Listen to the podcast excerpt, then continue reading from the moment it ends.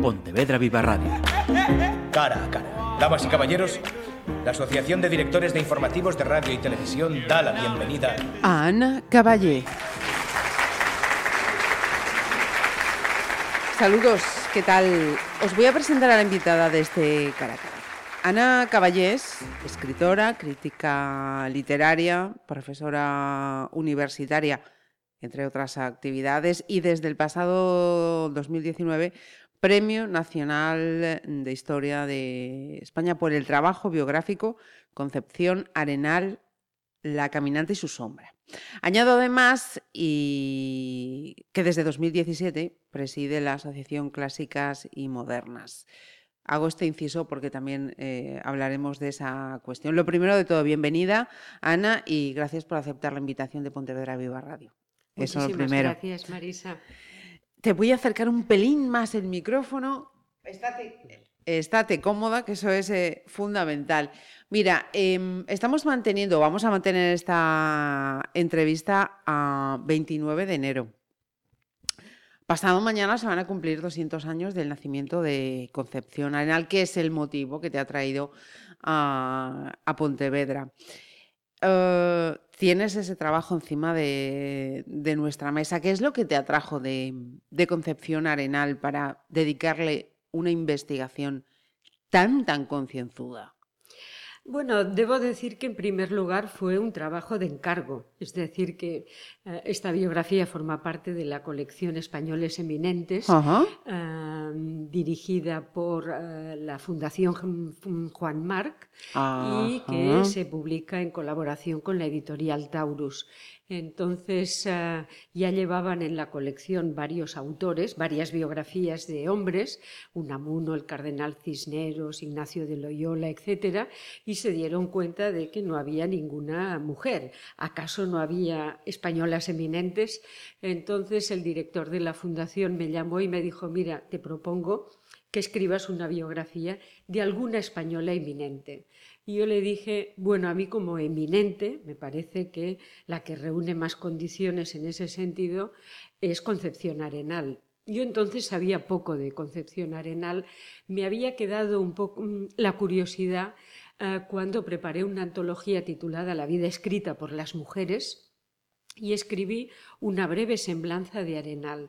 Y pude leer poco de su obra, pero me quedó, digamos, la pregunta de ¿Es una mujer que, cuyo pensamiento sigue siendo actual o por el contrario pues ha quedado muy superada por las circunstancias y es evidente que no podemos eh, eh, extrapolar tenerlo todo en vivo? Entonces, bueno, ese fue el origen. Lo que ocurrió después es que yo me enamoré del, del personaje, es decir, que descubría una concepción arenal eh, mucho más extraordinaria de lo que yo creía en un principio. Mira, pues te quería proponer hacer ese ejercicio de, extrapolación en el, tiempo, con algunas eh, máximas eh, de concepción arenal. Si ella viviese en el siglo XXI, eh, para empezar, ¿militaría en algún, en algún partido? Y de ser así, ¿cuál sería? Pues no militaría en ningún partido porque ella siempre se mantuvo bastante al margen de la política, digamos, en el sentido más estricto de la palabra, ¿no?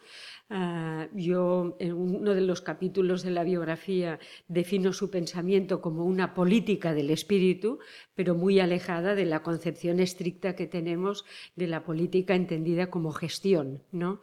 Entonces, ah, no creo que militara en ningún partido, pero ah, evidentemente no le gustaría nada el nivel de confrontación que vivimos en nuestro país. Es decir, que ella era una mujer que siempre buscaba espacios de consenso entre creyentes y no creyentes, entre la ciencia y la virtud, entre las clases sociales altas y la clase obrera. Siempre buscaba espacios de, entendimiento. Eh, ella defendió la incorporación eh, laboral, laboral, de la mujer, eh, creo, salvo en la política y en la vida militar. Sí, correcto. Perdón. Perdón, perdón. Eh, por, una, por una razón que evidentemente ahora no podemos aceptar, ¿no? Y eh, ella estaba convencida de la superioridad moral de la mujer. Decía, lo tiene en una frase como todas las suyas, muy, digamos, muy, muy esclarecedoras, que la mujer, necesitándolo en el siglo XIX, lógicamente, mucho más económicamente, porque no podía trabajar más que las mujeres de la clase de, condición más baja, etc., la mujer necesitándolo mucho más, delinque menos. es decir, que la mujer, eh, en fin, en las cárceles estaba en un número muy inferior a los hombres. ¿no? Eso la conducía a pensar que la mujer em, tenía una superioridad moral probablemente debida, según su explicación, pues a la maternidad. Eso le había generado, digamos, un instinto eh, casi eh, natural, vamos a decirlo así, de empatía por el otro, por, los otros. ¿no? Entonces, en ese sentido, le parecía que dedicarse a la política o a la carrera militar, que son profesiones donde la confrontación es un hecho, digamos, casi de partida, que la mujer debía evitar esos espacios precisamente para no, vamos a decirlo así, contaminarse. Entonces, a pie del siglo XXI, ¿vetaría algún espacio? En absoluto que no. Es decir, ella, eh, una de las características positivas, eh, digamos, del pensamiento eh, de Arenal es que precisamente ella, digamos, cuando hay que corregir cosas, las corrige, ¿no? Entonces, por ejemplo, en La mujer del porvenir defiende el sacerdocio de, femenino, porque junto a este argumento considera otro, dice ella, eh, en La mujer del porvenir, la mujer no está tan apegada al sexo. Y la prueba en aquel momento para ella era que no existían prostíbulos eh, masculinos, etcétera, etcétera. Al no estar tan apegada al sexo, reúne unas condiciones de partida, digamos, más, más, más positivas más pertinentes para dedicarse a la vida espiritual de una forma íntegra.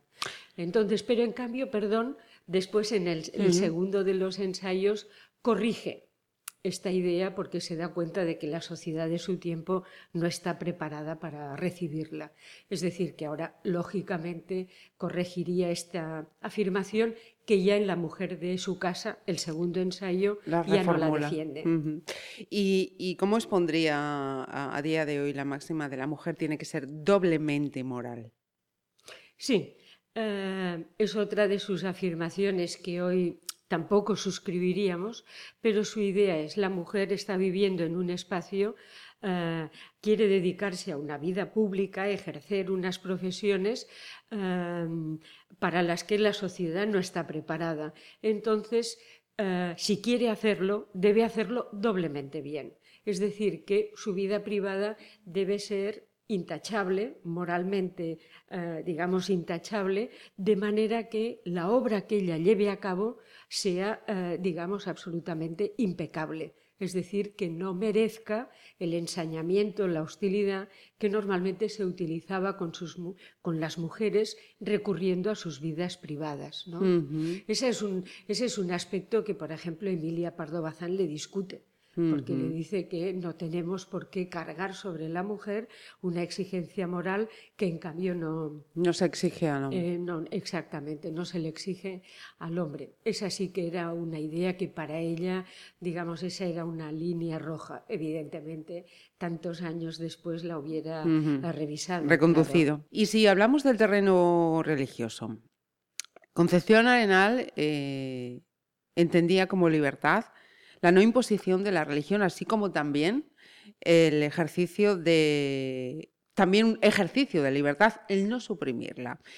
Eh, en este momento, 2020, em, pensaba cuando preparaba esta entrevista, habrá muchos que compren esta defensa de la primera y la última parte de esta, de esta máxima de concepción.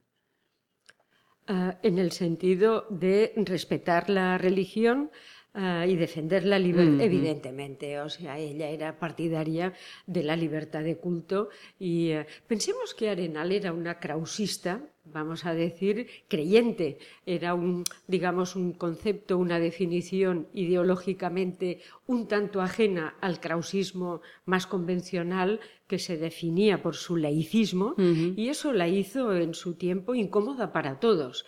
Arenal era incómoda para los católicos en su momento, porque realmente, por ejemplo, criticaba la hipocresía moral, criticaba unas prácticas completamente externas que no se correspondían con conductas eh, personales, y, pero también criticaba, digamos, a al ateísmo e incluso el laicismo por mantener una actitud anticlerical que a ella le parecía demasiado, eh, digamos, dura ¿no? y que no respetaba a todas aquellas personas que tenían creencias muy arraigadas. ¿no?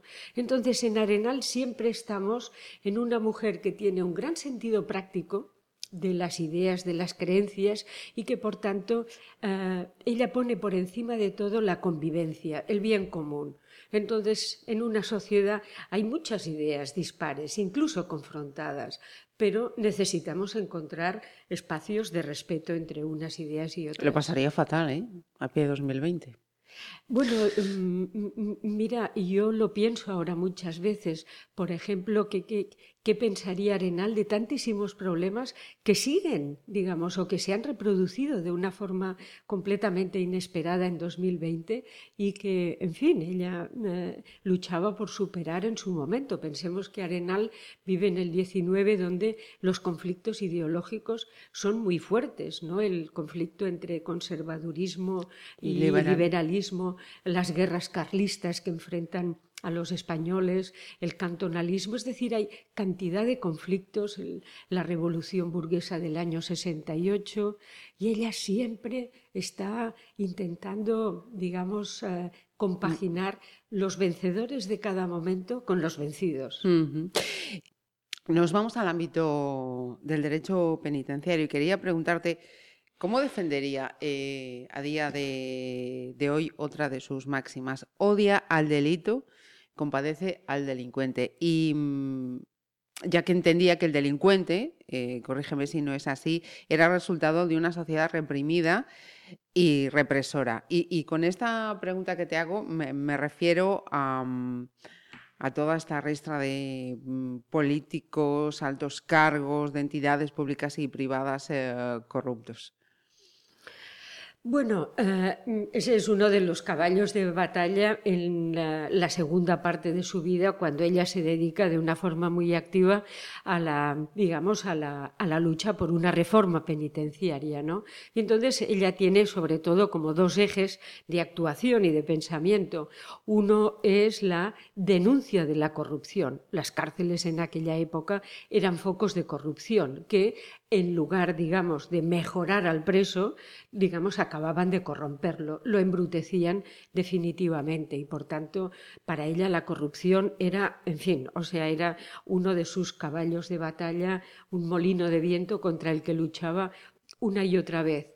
La otra, digamos, la frase que tú recordabas de odia al, al delito, pero compadece al delincuente, porque ella parte de una idea muy compasiva del prójimo la idea es que, así como en su tiempo, digamos, el, delincuente quedaba encerrado en una cárcel completamente al margen de la sociedad, que transcurría al margen de los seres más conflictivos, encerrados en una cárcel, la idea, y por tanto los despreciaba, los rechazaba, los ignoraba, la idea de Arenales que nosotros debemos pensar, qué suerte que yo no estoy allí. Es decir, para ella, digamos, quizá muy impregnada también del naturalismo de la época, eh, ella estaba convencida de que las circunstancias influían decisivamente en, el individuo. Después Ortega en las meditaciones del Quijote en 1914 lo reformularía en aquella frase tan conocida de el, eh, eh, el hombre es, él y sus circunstancias. Y si no las modifica a las circunstancias, no puede cambiar él. ¿no? Entonces, ese contexto que ve Arenal, esa dialéctica permanente entre el individuo y la sociedad, hace que ella piense que la sociedad no es del todo, pero en parte responsable de muchas de las actuaciones del individuo. Entonces, la idea suya es, sí, hay que corregir al individuo, evidentemente, pero si no modificamos la estructura social, si no la hacemos mínimamente digna para todos, eh, los delincuentes seguirán produciéndose porque muchas veces obran por pura necesidad. En estos casos lo de la necesidad. ¿Cómo? En estos casos que te, que te citaba, lo de la necesidad. No, la corrupción. Sí, sí, sí. No, claro, la corrupción ella la entiende como, eh, digamos, una falta de, escrúpulos y de ahí que le dé tanta importancia, digamos, a lo que ella llama el crecimiento moral del individuo, ¿no? que lo ve como una obligación. Ajá. Eh, y si ella eh, viviese el, movimiento feminista aquí en el siglo XXI, em, ¿estaría en un frente moderado? ¿Estaría en un frente reaccionario? ¿Dónde la ubicaríamos? Bueno, ahora estamos haciendo filosofía ficción, ¿no? sí, totalmente. es muy difícil eh, tomar decisiones por una mujer que las tomaba siempre por sí misma, ¿no? Pero en todo caso, pensando en que ella era una mujer con una gran vocación reformista, pero nunca revolucionaria, es decir, que odiaba los radicalismos, pues evidentemente ella estaría en una posición feminista sin duda ninguna, pero eh, nunca radical, porque es que ella detestaba los extremos, le parecía que, digamos, cegaban a los individuos a la hora de tomar las mejores decisiones, pero sin duda ninguna estaría, en fin, ella era una mujer, eh, digamos, con, con, una gran ambición para, para sí misma, ¿no? Entonces no podría estar en otro lado que no fuera el feminismo. Y hablemos ahora de Ana Caballé. Y de la Asociación Clásicas y Modernas, un colectivo que defiende la, igualdad de género en la, en la cultura. Eh, ¿Dónde ubicamos a Ana Caballé en este feminismo del siglo XXI? Bueno, buena pregunta, porque realmente a veces da la impresión de que el feminismo, desde, digamos, desde, sus, eh, desde su fundación en, en, la segunda mitad del siglo XX, pues siempre ha sufrido cantidad de atomizaciones, de, de, de, eh, posiciones encontradas entre, entre unas ideas y otras, y es lógico, es decir, somos la mitad de la población, no pues, si tuviéramos un pensamiento único, pues habríamos no sé, conquistado el mundo, ¿no? Entonces es lógico y, hay que aceptar perfectamente que dentro del feminismo haya interpretaciones muy distintas acerca de em, nuestro futuro, digamos, como movimiento y como ideología.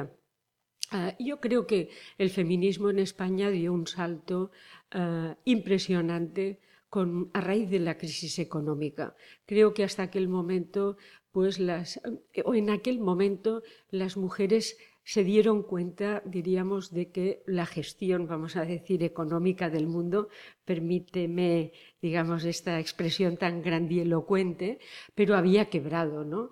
Y que quizá, o sea, las mujeres teníamos una oportunidad para eh, gestionar eh, el mundo de otra manera.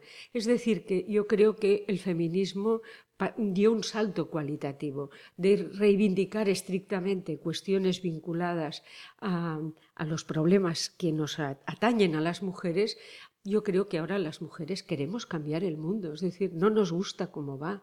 Hay cantidad de motivos para pensar que esto no se está llevando bien, ¿no? Entonces, ah, digamos que yo estoy en ese feminismo, vamos a llamarlo transformador, ¿no?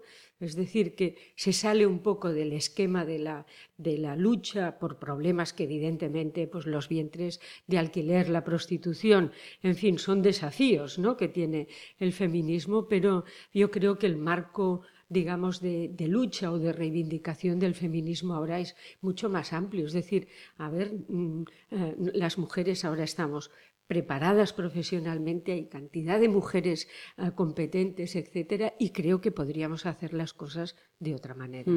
Hablando de, la Asociación Clásicas y, Modernas, este mes eh, ha enviado una carta a la presidenta del Congreso, Marichel Batet, y a la vicepresidenta, ¿no? Carmen Calvo, em, solicitando que se eh, suprima de los diputados a la denominación del Congreso, que únicamente se defina como Congreso. Eh, ¿Nos explica cuál es la, intención, el objetivo de esta propuesta y quién tiene que tomar la decisión para que esto sea así? Y ya de paso hasta el revuelo que decías, comentabas antes de abrir micro, que de repente te encontraste con esta cuestión. Em, por partes, la historia de esta, petición que se ha elevado a la presidenta del Congreso es muy sencilla. Hace ya más de un año que una de nuestras socias y vicepresidenta de honor, Juana Serna, eh, hizo una petición a la asociación eh, de eh, cambiar la denominación de Congreso de los Diputados por Congreso a secas, como hay el Senado, pues que haya el Congreso prescindiendo de la coletilla de los diputados. Entonces, en aquel momento estábamos viviendo, pues, en fin, momentos de inestabilidad política. No pareció que, fuera eh, el mejor momento para una petición, eh, digamos, eh, como esta, de manera que la, la estudiamos, se dejó pasar y ahora con un gobierno, pues ya digamos, formado ah, definitivamente, ah, pues creímos que era ya el momento de formalizar esa petición. Se envió el lunes pasado a la presidenta de los diputados y yo, a título personal, por deferencia, como coincidió el día con la presentación del informe de la Real, Academia, sobre eh, el lenguaje inclusivo o no de la Constitución, por deferencia se lo envié a la vicepresidenta del Gobierno. para, digamos, en fin, de algún modo apoyarla y, eh, eh, en fin, y decirle que estábamos en, en su línea, ¿no? Fue una sorpresa para mí que ella al día siguiente hiciera, digamos, pública esa carta, pero en todo caso eso fue así. Entonces, eh, se, ha, creado un gran revuelo. Ahora es fácil, ¿eh? nacen las eh, polémicas con más facilidad que, que las setas en un bosque, pero Ah, yo creo que nuestra propuesta es muy razonable y no puede escandalizar a nadie. La lengua española, que es una lengua fuertemente sexuada, como la mayor parte de las lenguas latinas, digamos que, que, tiene un problema, ¿no? En ese sentido, porque tiene un uso masculino que, por ejemplo, en la Constitución es abrumador. Se habla todo el rato de ciudadanos, de españoles, entonces, es difícil encontrar una solución a ese uso abrumador del masculino, entendido como genérico, ¿no?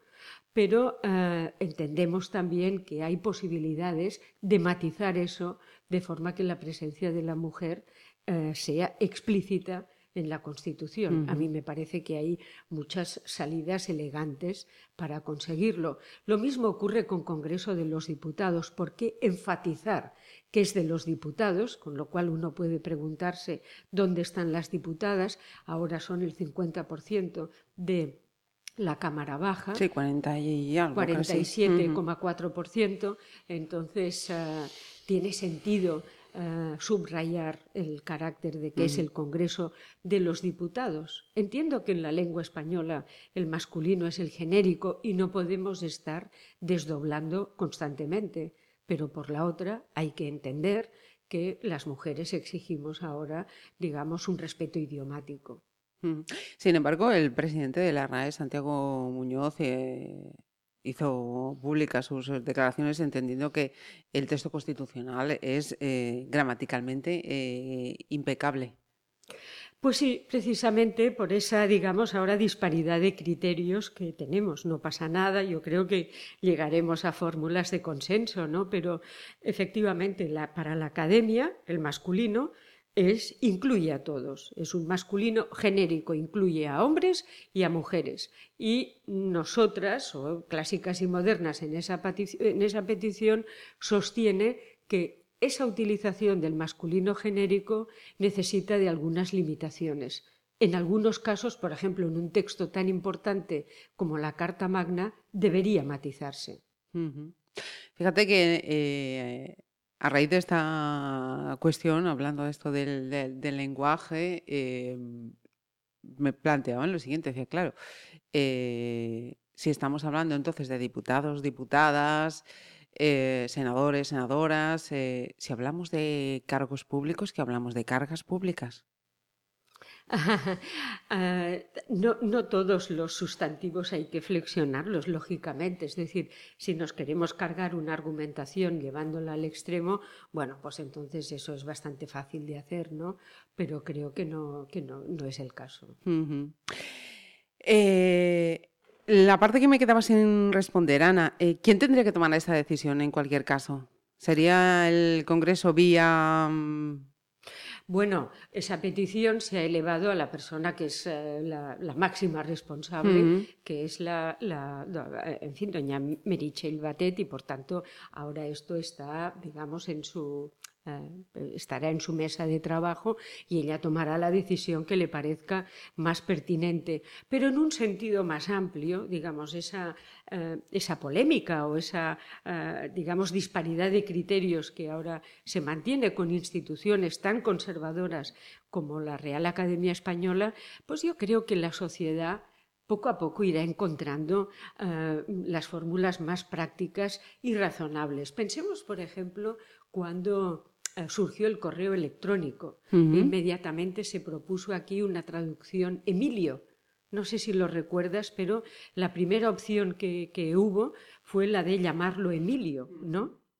Entonces, en el caso de, yo recuerdo a los hispanistas, pues muy escrupulosamente diciendo, te voy a enviar un Emilio. Eh, nosotros no, no, esa fórmula no nos gustó y no la hemos utilizado simplemente. Ahora hablamos de correo y todos entendemos. Correo, email, sí. Correo, eh, sin problemas. Es decir, que la sociedad poco a poco va encontrando sus fórmulas, pero vivimos un momento en que las mujeres no solo exigimos, eh, digamos, eh, cambios en la, en, la filosofía, en el espíritu, sino también en los hechos. Y para terminar, en este 200 aniversario del nacimiento de Concepción eh, Arenal, ¿cómo le gustaría a ella que se le recordara en este momento? Teniendo en cuenta su discreción. Em, ¿Cómo le gustaría? Estoy planteando constantemente un ejercicio de... Es, difícil, ¿eh? de política ficción. Em, bueno, yo creo que eh, ahora está ocurriendo lo que ella eh, deseaba, porque ella tenía su vocación, digamos, primordial era la filosofía, el pensamiento. Por tanto, que nosotros ahora reconsideremos el pensamiento ético de Concepción Arenal, yo creo que estaría feliz. Ana Caballé, muchísimas gracias y buena estancia en, en Galicia, pese a este tiempo. Muchísimas gracias, Marisa. Pontevedra Viva Radio. ¿Me permiten que les haga un comentario como espectadores del programa Cara a Cara? Según un reciente sondeo de mercado, ustedes disponen de estudios e inteligencias superiores a la media. Sus intereses abarcan desde la actualidad mundial y la ciencia hasta el deporte y los espectáculos.